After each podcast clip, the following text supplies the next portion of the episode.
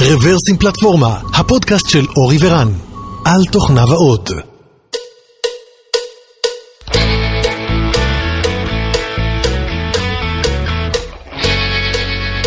שלום וברוכים הבאים לפודקאסט מספר 412 של רוורסים פלטפורמה. התאריך היום 13 ביוני 2021, הייתי אומר שזה תאריך קצת היסטורי, אה, ככל הנראה היום אה, הוקמה איזושהי ממשלה, אנחנו לא יודעים כמה זמן היא אה, תחזיק מעמד, אבל ההצבעה הייתה ממש היום ואנחנו במתח לקראת מה שהולך להיות. והיום אנחנו מקליטים פודקאסט עם ינון מחברת ויה, תכף תציג את עצמך, ויש לנו גם אורח מיוחד, היום כמחליף אורי, יש לנו את יונתן מחברת Outbrain. היי יונתן. אהלן, שלום. שלום וברוך הבא, יונתן עובד ב-Outbrain כבר uh, כך וכך שנים, uh, וגם התארח בעבר בפרקים שלנו, אבל זה כבר ממש ממש uh, היסטוריה עתיקה. אז קודם כל, כיוון ש-412 זה pre-condition failed, כולם יודעים, נכון? uh, לא הייתי צריך לבדוק את זה לפני השידור, ממש לא, זכרתי בעל פה. Uh, אז יוני, בוא, בוא ספר, יונתן, בוא ספר לנו על ה-pre-condition שלך, או מי אתה, במילים אחרות. כן, אז אה, קודם כל אני מאזין אה, ותיק של אה, רוורסים. אני חושב שבאמת הגעתי לאוטברן לפני עשר שנים, אחת הסיבות זה היה הפודקאסט. הגעתי כמהנדס backend, ובחמש שנים האחרונות אני מוביל ב Outbrain את הפיתוח. מוביל ב Outbrain את הפיתוח זה הדרך שלך להצטנע ולהגיד שאתה... מנהל הפיתוח. מנהל הפיתוח. כן. יפה, יפה. טוב, פיתוח ב Outbrain זה קבוצה גדולה, אז יש לך, יש לך הרבה עבודה, ותודה שבאת. בשמחה. אמ, אוקיי, אז ינון, ינון מחברת ויה, היום אנחנו הולכים לדבר על נושא של serverless, אה, אבל מזוויות אחרות, זוויות שעדיין לא כיסינו. אה, בוא, לפני שאנחנו ניכנס לנושא, ספר לנו קצת על עצמך. אז אהלן, אני ינון, אה, נעים מאוד. אז אני נמצא בוויה משהו כמו שלוש שנים וקצת. סתם כרקע, אם שאלנו על pre-condition, אז הגעתי לוויה בחברת Ravello לפני כן. אה, מי שלא מכיר, אז Ravello תומכת אה, די גדולה ברברסים, אה, וכך התוודעתי גם לפודקאסט, וכך הגעתי אליך, רן. ספר אולי טיפה על ויה, אני חושב שכבר הם התארחו פה בפודקאסט, אבל עוד פעם, אולי מזווית אישית שלי, אז אני תמיד אוהב לספר לכולם מעט צ'יזבט על ויה. כן, גם דרך אגב אירחנו איש מוצר, אז זה היה פחות טכנולוגי, והיום אנחנו הולכים להיות הרבה יותר טכנולוגיים. מעולה, זה, זה, זה מה שאני עושה. אז למעשה ויה ככה בכמה מילים התחילה, אני אספר תמיד צ'יזבט כזה שאף אחד לא אישר או, או הכחיש במסדרונות בוויה. אה, אבל לפי הסיפור ה-CTO שלנו והפאונדר אה, אורן הסתובב יום אחד ברחוב אלנבי, התפסה לתפוס מונית שירות אה, לכיוון תל אביב, לכיוון האוניברסיטה, ולמעשה גילה שזה די מסובך בתקופה ההיא, לפני משהו כמו 7-8 שנים. לתפוס מונית שירות זה לא עסק קל, צריך למצוא לאן להגיע ואיך לעלות עליה ומה עושים איתה. ו... איך שעולים עליה צריך גם לשלם את הכסף הזה, וזה נורא נורא מסובך. ומה שהיה לו בראש זה וואלה, זה רעיון מגניב הדבר הזה, זה כזה סוג של בלאגן מזרח תיכוני כזה מגניב שמשתלב גם בתוך התחבורה הציבורית. אה, ומצד שני, איזה כיף זה היה אם הייתה אפליקציה או משהו שהיית יכול בעזרתה פשוט להגיע, להזמין מונית, להגיע איתה מאיפה שאתה רוצה, לאן שאתה רוצה. זה אומר לך לאן להגיע, איך לעלות, איך לנסוע, היה משלם בשבילך. אה, נשאר כמו חלום, אז הוא פשוט הלך והגשים אותו. וכך בעצם ויה התחילה את חייה אה, בניו יורק. אה, ומשם התגלגלנו בעצם להרבה מאוד מקומות אחרים, התחלנו כשירות אה, סוג של consumer, אה, משם הלאה זה התגלגל לשירותים שונים של pre-booking ו paratransit, היום אנחנו מתעסקים גם ברכבים של school bus, כלומר כל מערך שירות האוטובוסים של עיריית ניו יורק, כך שבעצם אנחנו יודעים לעשות המון המון המון דברים, וכל זה בעצם אנחנו בונים על stack טכנולוגי אחד ואחיד. שכמו שרן פה קודם רמז, הוא רובו ככולו נעשה מעל serverless. כן, אז מיד ניכנס לסיפור הזה. דרך אגב, אה, אני מניח שהרבה מהמאזינים מכירים את ויה וגם היו הרצאות של עובדים שלכם בעבר בכנסים. יש שם ערבוב מעניין של אה, טכנולוגיה, אלגוריתמיקה, data science ודברים אחרים, וכמובן סיפור מוצרי. אה, יכול להיות שמי ששומע את, ה, את ה-pitch שלך אומר, אה, אה, רגע, זה אובר או אחרים, אבל זה לא, אבל לא ניכנס לזה, כי הפעם אנחנו לא עושים פרק על מוצר. יש הבדלים, אבל לא ניכנס אליהם, ועכשיו בוא ניכנס לטכנולוגיה. אז אחד הדברים המעניינים אה, ב-Via, זה שה-stack הטכנולוגי כולו, או רובו, רץ מעל אה, פלטפורמת serverless. אז בוא ספר לנו איך, איך בנוי ה-stack שלכם. אז בואו נתחיל גם כן טיפה אולי עם היסטורית, היסטורית Via כמובן, כמו כל חברת הייטק ישראלית, סטארט-אפ ישראלית טובה, התחילה עם מונוליט, שלשמחתנו, לצערנו, קיים עד היום, אותו מונוליט מפורסם שנקרא Via Server, זה השם המאוד מקורי. ואותו Via Server בעצם רץ במקור על הרבה מכונות EC2 מעל אמזון, באמזון. די סטנדרטי כמו שאתה מצפה, הרבה לפני ימי Kubernetes. ומה שגילינו שככל שמתפתחים, ובעצם הזכרתי קודם את המקומות שאליהם Via התפתחה, בעצם ה-stack עצמו בעצם התחיל להיות נורא נורא יקר. מצד אחד היינו מקבלים הרבה מאוד בעיות של scale-up, זאת אומרת, היה צריך לעשות הרבה scale-up ולהגדיל את המונוליט הזה כדי שיתמוך בכל ה-traffic שגדל. ומצד שני, אם היינו משאירים אותו כמובן בסקייל מאוד גבוה, אז אמזון היו מאוד נהנים וויה פחות. מה גם שבוויה, אם מסתכלים רגע על צורת השימוש, בעיקר במקור, אבל גם היום, יש תקופות שבהן יש פיק, אפשר לחשוב על זה גם בתל אביב, אנחנו מפעילים גם את שירות באבל, אז בבאבל אפשר לחשוב שבשעות הבוקר, בערך מ-7 עד 9 וחצי, מי שמנסה לתפוס באבל יודע שזה לא פשוט, הרכבים מאוד מאוד עמוסים, ובעצם אתם מפציצים את השרתים שלנו. ואותו דבר בשעות הערב, ומצד שני, מי שמנסה לתפוס באבל באזור השעה 12, החיים שלו די קלים, הוא מוצא אותו מאוד מאוד מהר. וזה פשוט כי יש פחות ביקוש, יש פחות אנשים שמנסים להגיע אל ומהעבודה. אבל נשמע שאתם יודעים מה הולכים להיות שעות העומס, אז למה לא פשוט לעשות scale up, scale down, ואפילו אפשר, יש לך זמן, חמש דקות לעשות warm up לשרתים, אם אתם יודעים מראש. מעולה, אז ככה, ככה אמרנו גם אנחנו, אמרנו מעולה, מה, החיים קלים, אנחנו יודעים לעשות warm up ו-scale down. הבעיה היא שבשביל זה צריך קצת לחזות וקצת להבין באמת מה יהיה ה-traffic. וכל פעם צריך כזה, כמו, כמו בפיתוח, לשים buffers. אנחנו צריכים, טוב. כמה יהיה מחר בדיוק? אז יהיה מחר אלף נוסעים, אז בואו נשים עשרה שרתים שיתמודדו עם זה, או חמש עשרה שרתים. ואז למחרת פתאום מגיעים לבוקר ויש גשם, וואי, הגשם זה מכה. ופתאום האלף נוסעים הופכים לאלפיים. ואם מסתכלים על עיר ב-scale של ניו יורק, שהיא מן הסתם הרבה יותר גדולה, אז שם זה הופך מעשרת אלפים נוסעים למאה אלף פתאום. במכה אחת פתאום כולם מפציצים. עכשיו, אם רואים גשם, נהדר, זה אומר שמישהו צריך בשש בבוקר צריך לשים לב ולהגיד, וואו, וואו, וואו, כדאי שנגדיל עוד יותר את השרתים. ואתם יכולים רק לדמיין כמה פעמים, מישהו פספס, או פספס לכמה שעות, או פספס את הערכה שלו, ובמקום 100 שרתים, להוסיף רק 50, והפסדנו. אני מבין את הנקודה הכואבת, זה לקום בשש בבוקר, זאת אומרת, אם זאת הייתה חברה שפעילה בצהריים, אז לאף אחד אולי לא היה אכפת ולא הייתם מגיעים לסרברלס, אבל לקום בשש בבוקר, זה כבר סיפור. זו סיבה מעולה לעבור למשהו אחר. עכשיו, הבעיה השנייה היא שגם אחרי שהיינו מעלים את זה ל-50 שרתים, מישהו צריך גם לזכור להוריד את זה אחר כך. כלומר, זה לא תמיד כזה קליל של להרים עכשיו ואחר כך לשכוח, אלא יש עורכים ולמחרת מגיעים ואו לא, חשבון האמזון פתאום נראה לא להיט. כך שבעצם חיפשנו איזשהו פתרון שיאפשר לנו לעשות גם את הסקיילין הזה אוטומטי. אז מצד אחד אתה אומר, אוקיי, אחלה, אז יש כבר פתרונות יותר מודרניים. Kubernetes הגיע באיזשהו שלב, אבל גם לפני זה היו פתרונות של auto-scaling groups באמזון, אפשר רגע להרים גם איתם. הבעיה היא שמסתכלים על זה רגע, אז מונוליט שכזה, הוא אומנם כתוב ב-Python שזה עולה יחסית מהר, ועדיין עד שהוא עולה ועושה את ה-init שלו ומוריד, לחשוב על מה ש-Via עושה, אז צריך להוריד קצת מפות, צריך להוריד קונפיגורציות, צריך להכין כל מיני דברים. זמן ה-warm-up והבנייה של קונטיינר היא לא קצרה, כלומר אתה יכול לקחת גם דקות, תלוי כמובן בגודל ה-traffic וגודל הדברים שצריך לעלות. וזה כמובן די כואב, כלומר לעשות scale-up שמסתמך רק על ה-auto-scaling הזה מראש, זה לא מספיק מהיר, ובעצם יש תקופה לא קצרה שמפסידים, מפסידים כסף, מפסידים תנועה, וגם יש שירות ממש לא ממש לא מוצלח למי שמנסה לנסוע. וזו הסיבה שהתחלנו לחפש דברים אחרים. אבל, אבל זמן טעינה כזה, תכף בטח יבוא יונתן ויטען, רגע, אבל אתם, למה מונוליט? יש microservices, זאת אומרת, אוקיי, אז, אז, אז למה המונוליט צריך לטעון את כל המפות של כל העולם ו, ואת כל שאר הדברים? נכון, זה כבד, אבל יש לי גם פתרונות אחרים, לא רק serverless. מעולה. זה השלב שבאמת הסתכלנו, ותודה יונתן על השאלה. ואני הסתכלנו ואמרנו, אוקיי, פתרון אחד באמת זה ללכת ולהגיד, יופי, בוא נבנה את זה כמו כל מיני microservices. ולמעשה זה, אפשר להסתכל על זה ולהגיד, זה הפתרון שבחרנו. השאלה היא רק עכשיו, מה ה-transport שלו, בעצם מה, מה ה-pipeline שבעזרתו אנחנו בעצם מרימים את אותו דבר.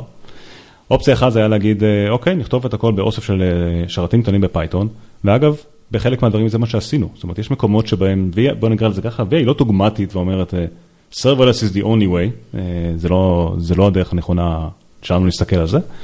אנחנו אומרים, במקומות שבהם אפשר לעשות את זה בצורה קלה, דווקא לא בלהרים service שלם וכבד מעל Kubernetes, אלא להסתכל על יתרונות של דברים אחרים, זה המקום שבו הסתכלנו על serverless. עכשיו, אם מסתכלים על זה רגע, למה כן בחרנו ללכת ל-serverless בחלקים ספציפיים, אז בעצם שמנו לעצמנו כמה נקודות מעניינות. אחת, אמרנו, אנחנו רוצים כמה שפחות התערבות של DevOps. DevOps זה דבר יקר, DevOps זה דבר מסובך. לא רק האנשים, גם עצם הזמן שמושקע ב-DevOps ובלהרים סביבות ולסדר אותם. מאוד מאוד יקר. וגם בסביבה נורא מוצלחת כמו Kubernetes, שבאמת יש לה הרבה יתרונות, עדיין יש הרבה מאוד קונפיגורציה שצריך לעשות. צריך להבין מה הפרמטרים שבעזרתם אנחנו קובעים scale up, scale down, scale in, ובעצם לקנפג את השרת ולעשות fine-tuning כל הזמן, כדי להגיע בעצם לתוצאות שהיינו רוצים להגיע אליהן. אה, אז גם בסביבה של microservices קלאסית כזאת, שבו יש קונטיינרים ופודים, רוב העבודת הקונפיגורציה הזאת היא עלינו, האחריות שלנו. כן, אני חושב שיש אה, חוק אה, כלל שימור האנרגיה בטכנולוגיה, עבודה לא נעלמת, היא משנה צורה. אם לפני זה היית צריך לכבד כבלים, אז היום אתה צריך לקנפג VPCs. אם לפני זה היית צריך לקנפג איזושהי מכונה, אז היום אתה צריך לעשות, לייצר איזשהו סקריפט או לעשות איזושהי קונפיגורציה ב... אה, אה, ב-Terraform או כל כלי אחר. זאת אומרת, ההתמחות משתנה, אבל העבודה לא נעלמת, באמת. אמרתם שאתם לא דוגמטיים, זאת אומרת, אתם לא אומרים, זה הדרך היחידה. אז יש דברים שאתם כן משתמשים עדיין, המונוליט עדיין משחק תפקיד, microservices עדיין באזור, או שזה... אז יש לנו עדיין, קודם כל המונוליט עדיין קיים, אה, לא בכל deployment ולא בכל מקום, אבל הוא עדיין קיים אה, בלב, אה, של חלק מה-deployment שלנו. ויש לנו עדיין גם כמה מהסרוויסים האחרים שכן הם micro services סטנדרטיים, קונטיינרים, חלקם כתובים ב-Java, חלקם ב-Python, ועדיין קיימים כ-micro services קלאסיים כ-Docker containers בתוך Kubernetes. בעיקר מקומות שבהם יש צריכת זיכרון מאוד גבוהה, אנחנו צריכים להוריד לצורך העניין להחזיק את המפה. מפה מן הסתם זה אובייקט שלוקח הרבה מאוד זיכרון. ושם דווקא יוצא לנו יותר נוח להחזיק אותה בתוך, אה, בתוך קונטיינר. אה, כך שיש לנו גם Kubernetes stacks אה, שלמים. עם זאת, במקומות שבהם רוב מה שעובד זה לוגיקה או איזשהו container glue, וזה אגב הרבה ממה ש-Via עושה, אם מסתכלים על זה, תחשבו על, לצורך העניין, נהגים שמסתובבים בעיר ובעצם מדווחים לנו מיקום, הם צריכים כל הזמן לדווח איפה הם נמצאים ולקבל הוראות. זה משהו שלא מצריך הרבה זיכרון, מה שהוא באמת מצריך זה הרבה יכול לעשות scale up ו-scale in, לפי כמות הנהגים שמסתובבים כרגע בכביש. אז במקום בעצם להרים אה, קונטיינרים שיודעים לטפל בדבר הזה, אה, גילינו שהרבה יותר קל להרים micro micro micro קונטיינרים או ננו קונטיינרים כאלה, שזה בתכלס למדה, זה בדיוק מה שזה עושה. אז זה use case של נגיד לקבל אה, את המיקומים של הנהגים ולכתוב אותם איפשהו אני מניח. בדיוק. יש use cases אחרים, לא יודע, אני רוצה להזמין מונית, זה, גם יגיע לאחד מה-server? גם זה ירוץ serverless, לגמרי כן. גם זה ירוץ serverless. בעצם תגיע בקשה אה, לאיזושהי למדה שיושבת מאחורי, לצורך העניין, אה, או ALB או אה, איזשהו API Gateway, יכוות ישירות לתוך הלמדה, ומשם למעשה יכולה לרוץ שרשרת של למדות. הגיעה בקשה, מזהה מי הנוסע, משם זה רץ למוקד ההזמנות שלנו, שזה בעצם המוקד שמדבר מול הרכבים. תבוצע הזמנה, יעבור לאיזה למדה שגם מטפלת בתשלומים, מן הסתם צריך לדאוג שאתה גם רשאי לעלות לנסיעה. אה, זה גם יעבור משם לאיזשהו מקום שבו הנהג בעצם מקבל אותו הוראות. אה, משם בעצם לפני שירות המיפוי, שהוא להזכיר לכם קונטיינר. אה, נגיד לו, נא לייצר לנהג מסלול חדש, שבעצם יוביל אתכם לאיסוף של אותו נוסע. ובסופו של דבר זה יתורגם כהוראות חזרה לנהג. והנהג בעצם מקבל הוראה וימשיך לשדר לנו בעצם את אותם דיווחים שאנחנו קוראים להם heartbeat בשם המאוד מקורי. וזה יגיע חזרה בעצם למערכות שלנו, וימשיך באמת אותו flow שהזכרתי קודם. בוא נדבר רגע על אה, כסף, כלכלה. זאת אומרת, קודם הזכרת שהיו instance-ים של EC2 והייתם צריכים לעשות scale up, ואולי גם שכחתם לעשות להם scale down, וזה עולה כסף וכולי. אז לי יצא לעבוד serverless בסטארט-אפ הרבה יותר קטן מ-Via, אה, וזה גם היה לפני כמה שנים, זה היה לפני איזה חמש שנים או משהו כזה. ואז היה ברור ש-serverless אה, זה יקר. זאת אומרת, יש יתרונות בצד של operation. כן, יש מודל תפעולי, יש מודל תכנותי שהוא בריא, כל הדברים האלה מאוד מאוד אהבתי, אבל דבר אחד היה ברור, זה הולך להיות יקר, אוקיי? כשנעשה scale up, אם אין כלום באוויר, נכון, זה לא, זה לא, זה לא עולה, כאילו אם לא קוראים לפונקציה שלך עץ שנופל ביער, אף אחד אה, לא שומע אותו, אז הוא לא באמת נופל. אז זה ברור שיותר קל מתחזק קונטיינר, host של EC2, אבל ברגע שיש traffic משמעותי, והפונקציה כל הזמן נקראת, אז היה ברור לפחות אז שזה גם הולך להיות הרבה הרבה הרבה יותר יקר. אה, מלתחזק micro service משלך. איך נראית הכלכלה של זה היום? אז בואו נספר לכם את זה ככה, אה, נתחיל דווקא מסיפור ומשם ניכנס רגע לכיוון הזה. אז בעצם מתחילת אה, משבר הקורונה, אתם יכולים לדמיין מה הייתה ההשפעה של זה גם על שירותי ההסעה. במכה אחת, בוקר אחד, במשך בערך, תוך שבוע פחות או יותר, עברנו ממאות אלפי נוסעים בניו יורק לבערך עשרה. כלומר, אף אחד לא נסע, אף אחד לא זז, וזה היה בכל העולם, לא רק בניו יורק. ומצד שני, אם מסתכלים רגע עכשיו על הכלכלה, או על מה שעלה הכסף, במכה אחת כל הלמדות שלנו ירדו לאפס, שהפסקנו לשלם להם לחלוטין. לעומת זאת, כל אותם קונטיינרים שנשארו עוד המונוליט וכל מיני כאלה, השאירו שם לא מעט, לא מעט דולרים שהמשיכו לזרום ישירות לכיסים של מיסטר בזוס. כך שלפחות ברמת הסקייל-אפ וסקייל-אין, למדה יש לה איזה כלכלה סופר סופר מוצלחת. אנחנו לא צריכים להשאיר בשום שלב ככה ספיירים כדי להתמודד עם העומס למקרה ש. כן, תכף נדבר על warm-ups, אבל לא משאירים. ומצד שני, גם בזמן שהיא באוויר והיא כן עושה את הפעילות, אנחנו רואים שזמן העיבוד בפועל שבו למדה בעצם עובדת, הוא מאוד מאוד נמוך. בעיקר אם יש קריאות אסינכרוניות, כלומר, אם עובדים בצורה שהיא יותר אסינכרונית, כלומר קריאות שמגיעות, עוברות בעצם, משקיעות את רוב הזמן שלהן דווקא במעבר בין למדות בתוך תורים, ואין בו קריאות סינכרוניות החוצה. פתאום הזמן שבעצם למדה רצה הוא מאוד מאוד מאוד קטן. ספציפית אגב, לפני כמה חודשים, אמזון החליפו את שורת, צורת ה-billing שלהם ממינימום של 100 מילי שניות למינימום של מילי שנייה ללמדה, וזה גם כן שיפר משמעותית את העלות שלהם, בעיקר של למדות קצרות, שזה הרבה ממה שאנחנו עושים. כן, הבנתי. זאת אומרת, אם נגיד הלמדות, נגיד אני מתאר איזשהו flow של למדה שקוראת ללמדה שקוראת ללמדה וכולי, אם כל אחת מהן מחכה לשנייה בצורה סינכרונית, אז אתה משלם את החשבון של כולן בדרך. אבל אם זה קורה בצורה אסינכרונית, זאת אומרת מעבר דרך SQS או כל מכניזם אחר, אז אתה משלם רק את זמן העיבוד המינימלי. בסדר, אני מבין. גם מה שמעניין פה, רן, זה שיש קשר ישיר בין ה-business, שזה ה-traffic שאתם מקבלים, לבין העלות. מה שעם סרוויסים זה יותר, יותר קשה לעשות את הקשר הזה, הוא חי כל הזמן, גם אם הוא לא יקבל traffic, גם אם אתה לא מקבל בדיוק, כסף. בדיוק, עכשיו בערים של ויה באמת יש ערים שלמות שבהן אין לך שירות בשעות מסוימות של היום, זאת אומרת השירות גם בבאבל לצורך העניין הוא רק בשעות היום, הוא נגמר ב-10-11 בלילה. אתה יכול לחשוב שכל הלילה בעצם יש שרת איזשהו פעיל, הוא גם צריך כן לענות לתשובות, כן, זאת אומרת, אם איזה נוסע פותח אפליקציה של באבל ב-2 לפנות בוקר, אנחנו ניתן לו תשובה שאין כרגע שירות, אבל בשביל זה צריך שיהיה שרת באוויר. אז ככל שנעביר יותר מהדברים האלה לסרברלס, אם מישהו יבקש בקשה, יקבל. אם לא, אין שום צורך להרים בכלל את הסרוויס. כן, אז, אז אתה אומר, אוקיי, אז בגלל שאתם מאופיינים באלסטיות מאוד מאוד גדולה, נכון. אולי קורונה זה, זה דוגמה מאוד קיצונית, אבל עדיין ביום יום יש אלסטיות, זאת אומרת, יש סופי שבוע, יש שעות שונות במהלך היום, יש חגים, זאת אומרת, בכל אופן יש אלסטיות בצורה יחסית משמעותית. זה עושה את המודל של serverless ליותר משתלם אצלכם. אני תוהה, אני לא יודע אם לך יש את התשובה, אני תוהה אם למישהו עם, עם workload שהוא יחסית מאוזן לאורך היממה, האם גם לא, זה הולך להשתלם. אז זה תמיד שאלה של באמת, מה באמת ה-workload שלך, וכמה באמת ממה שאתה, שאתה עושה הוא באמת broken down ל-micro service עד הסוף. למה אני מתכוון? לצורך העניין, אם מסתכלים רגע על ה... שוב, על אותו שירות של Via, אז מצד אחד, מה שבאמת לוקח המון מהקריאות, מה-traffic, זה אותם heartbeat-ים של נהגים, כן? זה משהו שהוא, אנחנו יודעים עליו שהוא משהו שהוא מאוד מאוד כבד מבחינת כמות הקריאות שנעשות וכמות זמן העיבוד שרץ שם בפנים, גם אם העיבוד עצמו הוא מאוד קצר. אז אם יש לך איזשהו שירות שבו אתה מחזיק את ה-heartbeat-ים האלה יחד עם עוד שירות ביחד, בעצם אתה עושה פה coupling מאוד חזק של, של שרת אחד יחד לשתי תכונות ביחד. בעולם של serverless, נורא נורא קל לעשות את ה-breakdown הזה לממש nano services, כלומר זה service שאולי אין לו אפילו זכות חיים בשם עצמו, אבל לעשות scale-up של חתיכה קטנה מתוך ה service זה נורא נורא קל. כן, אוקיי, בסדר, זה, זה היה השיקול הכלכלי. עכשיו בואו בוא נסתכל על השיקול המתודולוגי. אני אשאל את זה ככה, האם המפתחים שלכם נהיו יותר טובים?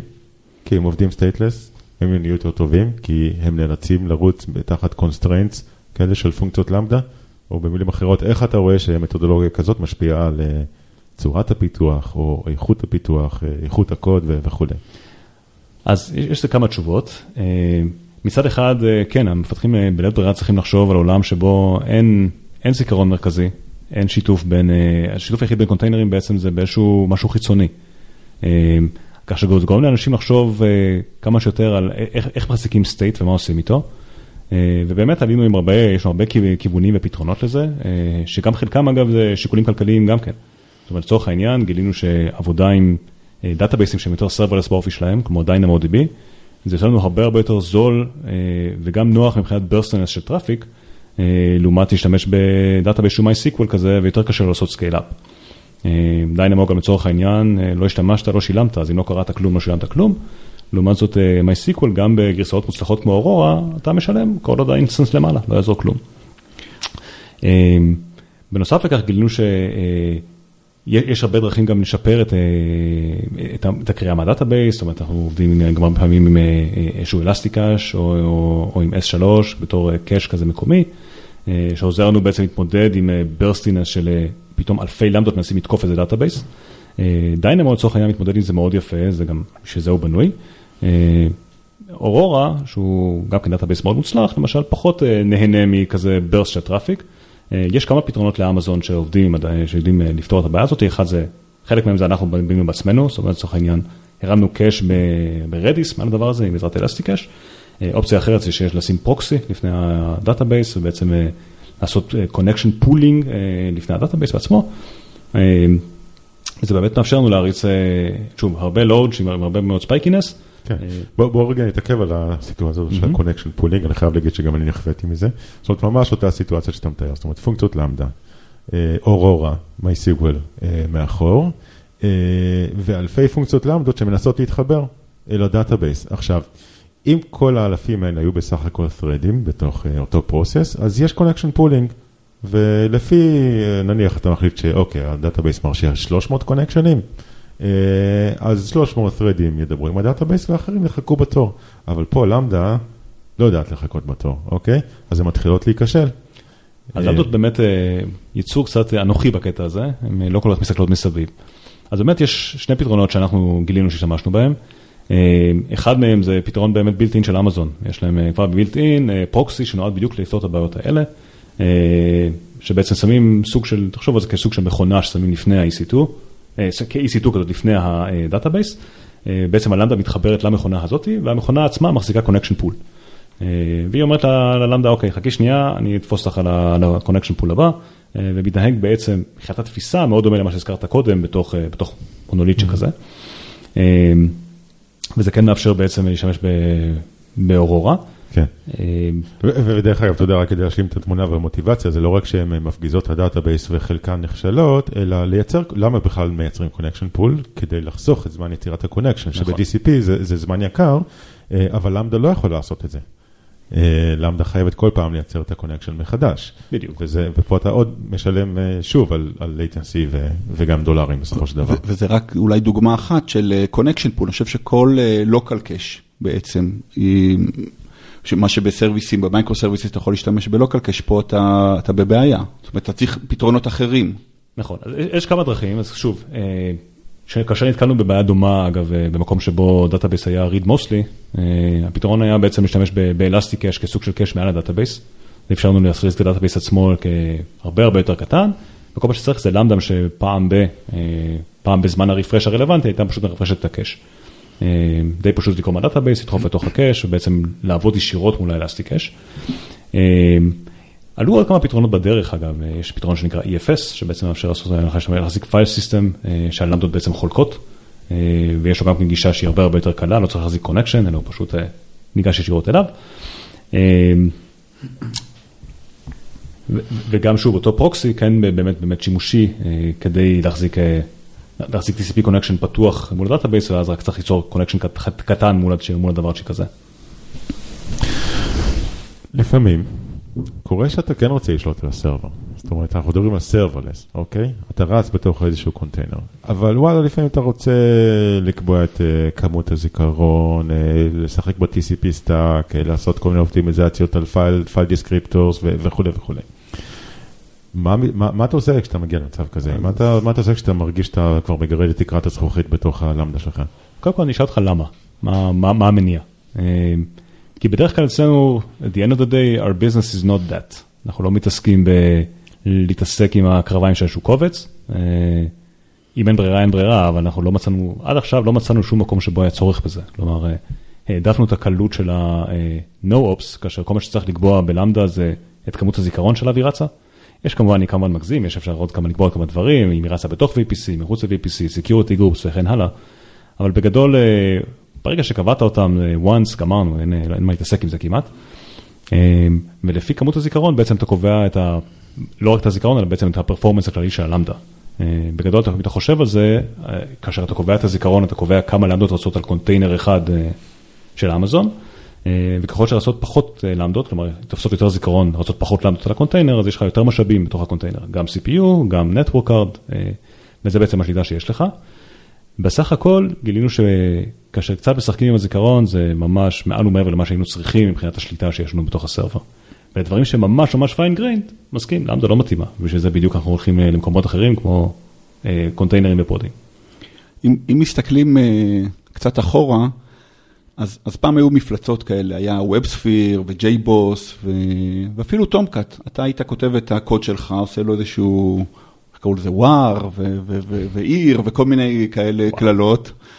ועושה לזה deploy בתוך איזשהו קונטיינר, וכשהגיע microservices זה די אה, הלך לכיוון אחר, במקום להיות אורח בתוך איזשהו runtime שמישהו אחר מתחזק והוא מאוד מאוד גדול ומורכב, ומוטת השליטה שלך היא קטנה, אתה נהיה בעל בית של ה... אם אתה רץ ב Python, אתה נהיה בעל בית של ה process של ה Python או של ה-JVM. ובאיזשהו אופן הסרברלס זה קצת מחזיר אותך אחורה, לפחות אחורה מבחינת האופנה, כן? אתה עדיין, אתה נהיה אורח בתוך איזשהו runtime שמישהו אחר מחזיק ומקנפג. איך אתה פה עם, ה... עם הרטרו הזה? אני מת על הרטרו הזה, כי מי שמחזיק וקנפג את הסרבר הזה, הענק הזה, זה לא אני. זה התותחים באמזון, שהם יודעים בדיוק מה הם עושים. אה, הם די טובים במה שהם עושים בעולם הזה. אה, ובגלל זה אני חי עם זה בשלום. אם אני צריך להתעסק את ה-JBoss הזה או את ה-WebSphere הזה, כנראה לא היינו מדברים היום. אה, מכיוון שאמזון עושים את זה, ואנחנו בסופו של דבר הם באמת יודעים בדיוק מה הם עושים והם טובים בזה, אז אני חי עם זה די בשלום. אני אמנם נתון לחסדיהם, וזה נשמע קצת, קצת פטליסטי, אבל at the end of the day, אם יש מישהו טוב של להיות נתון בידיים שלו, זה כנראה החבר'ה באמזון שעושים עבודה די טובה.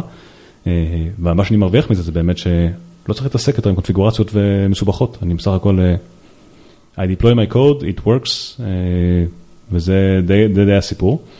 בטח כאשר אנחנו מרגישים, זאת אומרת, אמזון הם מאוד מאוד פתוחים מבחינת האימפלמנטציה שלהם ומה שהם מוכנים לספר.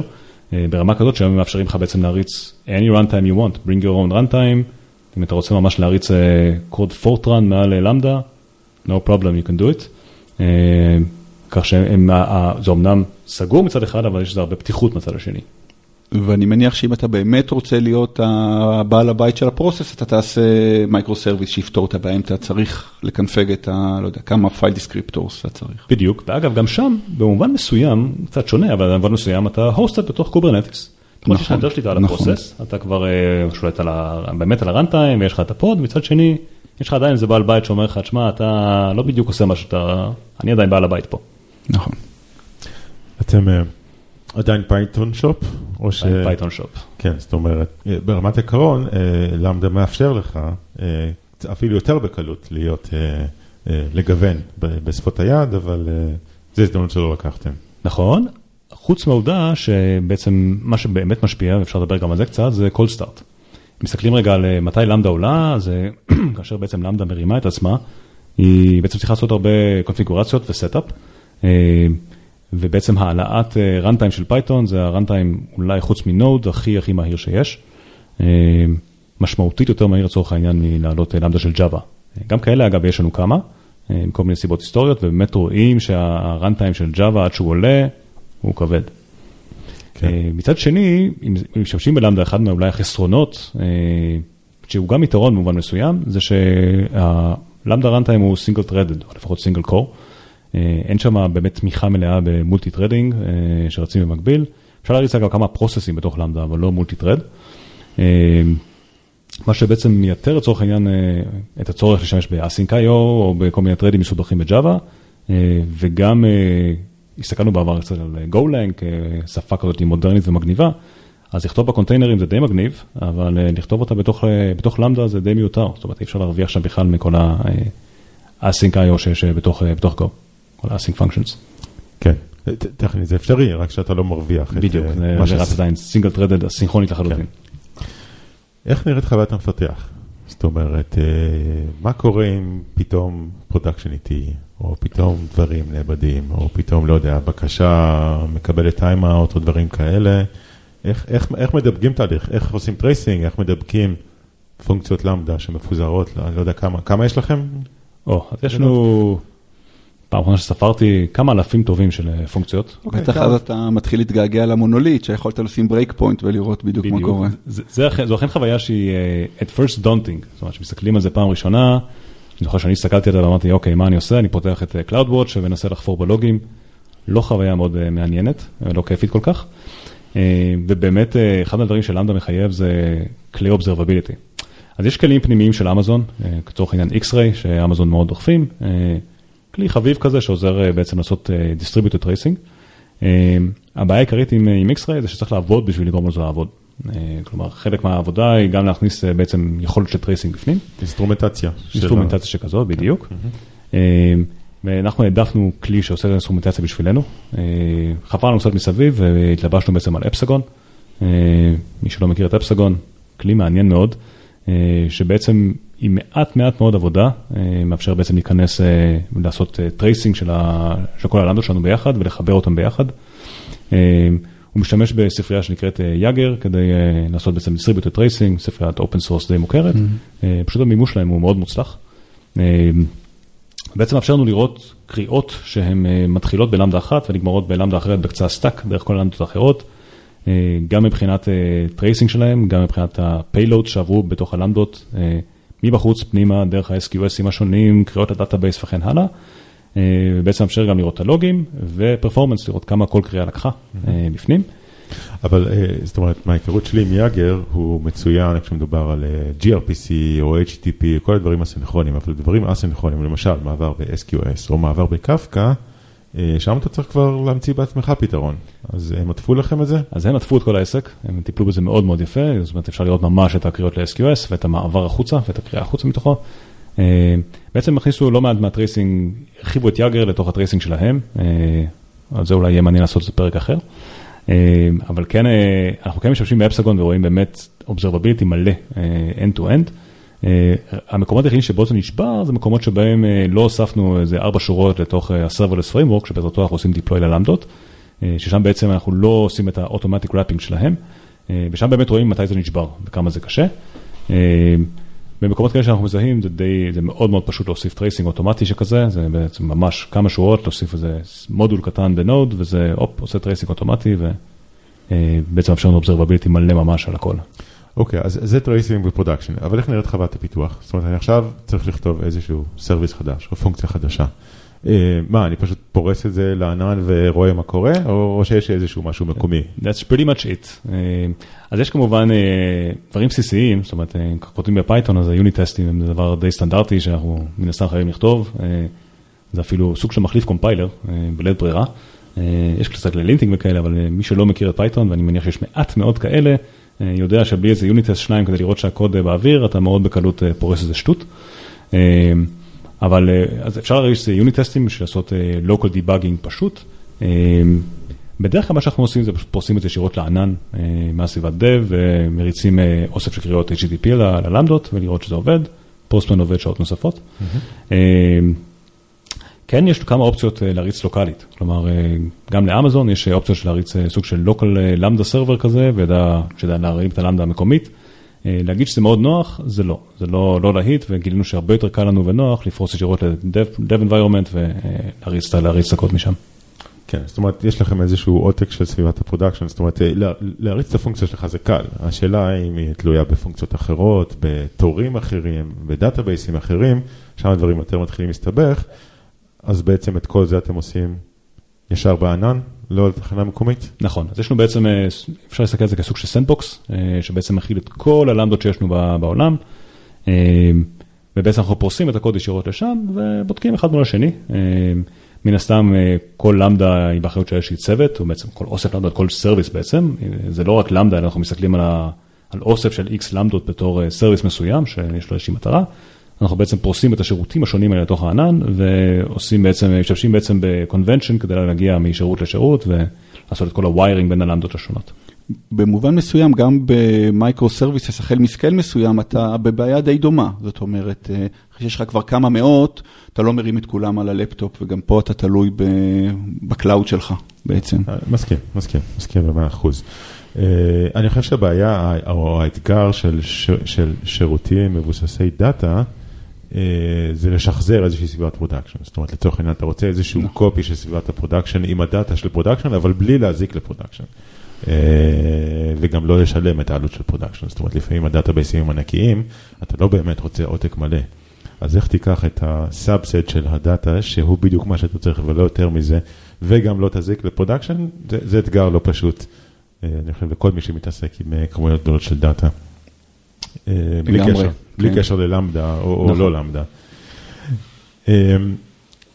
כמה זמן אתה בוויה? שלוש אה, שנים. אוקיי, אה, כשהגעת כבר הייתם בעולם הסרברלס? זה בדיוק הייתה ההתחלה, בדיוק אוקיי. השלב שבו הסתכלנו על זה פעם ראשונה. אני אגיד לך למה אני שואל. אני מנסה לדמיין מפתח אה, ותיק, כן, מפתח בנושא אחר, שעכשיו נכנס לוויה. האם אתה מוצא, אם אתה נגיד מסתכל על מפתחים שגויסו בזמן האחרון, ואני לא מדבר על, על צעירים שבחיים לא כתבו, קודם כל מדבר על כאלה שכבר, אתה יודע, שועלי קרבות. הפילו את production כבר כן, כמה פעמים. כן. האם אתה רואה שהם, אתה יודע, אתה, הם מסתכלים על כל העולם ה serverless הזה ועכשיו צריכים לכתוב איזושהי פונקציה חדשה, האם אתה רואה שהם נלחמים ב, ביצר הטבעי שלהם, או שזה פשוט בא להם בטבעיות והם אומרים, משילים מעליהם איזשהו אה, משקל כבד שהם נשאו עד עכשיו על הכתפיים ב, בסביבת ה serverless? אז הייתי אומר שהם די פורחים. אה, זאת אומרת, יש תמיד את המעבר המשוכה הראשון הזה שאומר, אה, כמו שהזכרת קודם, רגע, אין לי connection pool, רגע, אין לי פה... אני צריך להבין רגע איך זה מגיע, ורגע, אני פורס כבר לענן, מה קרה לי, זה קצת, קצת מוקדם. אה, אז באמת יש את הכמה ימים האלה של רגע, רגע, איך אני עושה פה דברים, אה, אבל באמת זה לוקח ממש מעט זמן. אה, ב Via בדרך כלל מפתח נהיה, מתחיל לכתוב קוד תוך פחות משבועיים. כלומר, צריך להרים איזושהי סביבה מקומית, לראות קצת שהכל עובד, לדאוג שהכל מותקן והכל בסדר, ואז טיפה ללמוד את העולם של, גם העולם של Via וגם העולם של. אמ, אבל אה, תוך אה, באמת פחות משבועיים אה, מישהו מקבל כבר משימה, ואוקיי, פורס פעם ראשונה, פורס פעם שנייה, ו... ומשם בעצם זה מגיע ל production די מהר. יש גם, אני מניח, גם יתרון שאולי הסקופ של הקוד שאתה צריך להכיר כדי לעשות שינוי הוא כנראה יותר קטן. זאת אומרת, הוא כנראה תלוי בעוד הרבה דברים אחרים, אבל כבר מראש צמצמו לך אותו לסט מסוים של פונקציות או של כמות של service ים.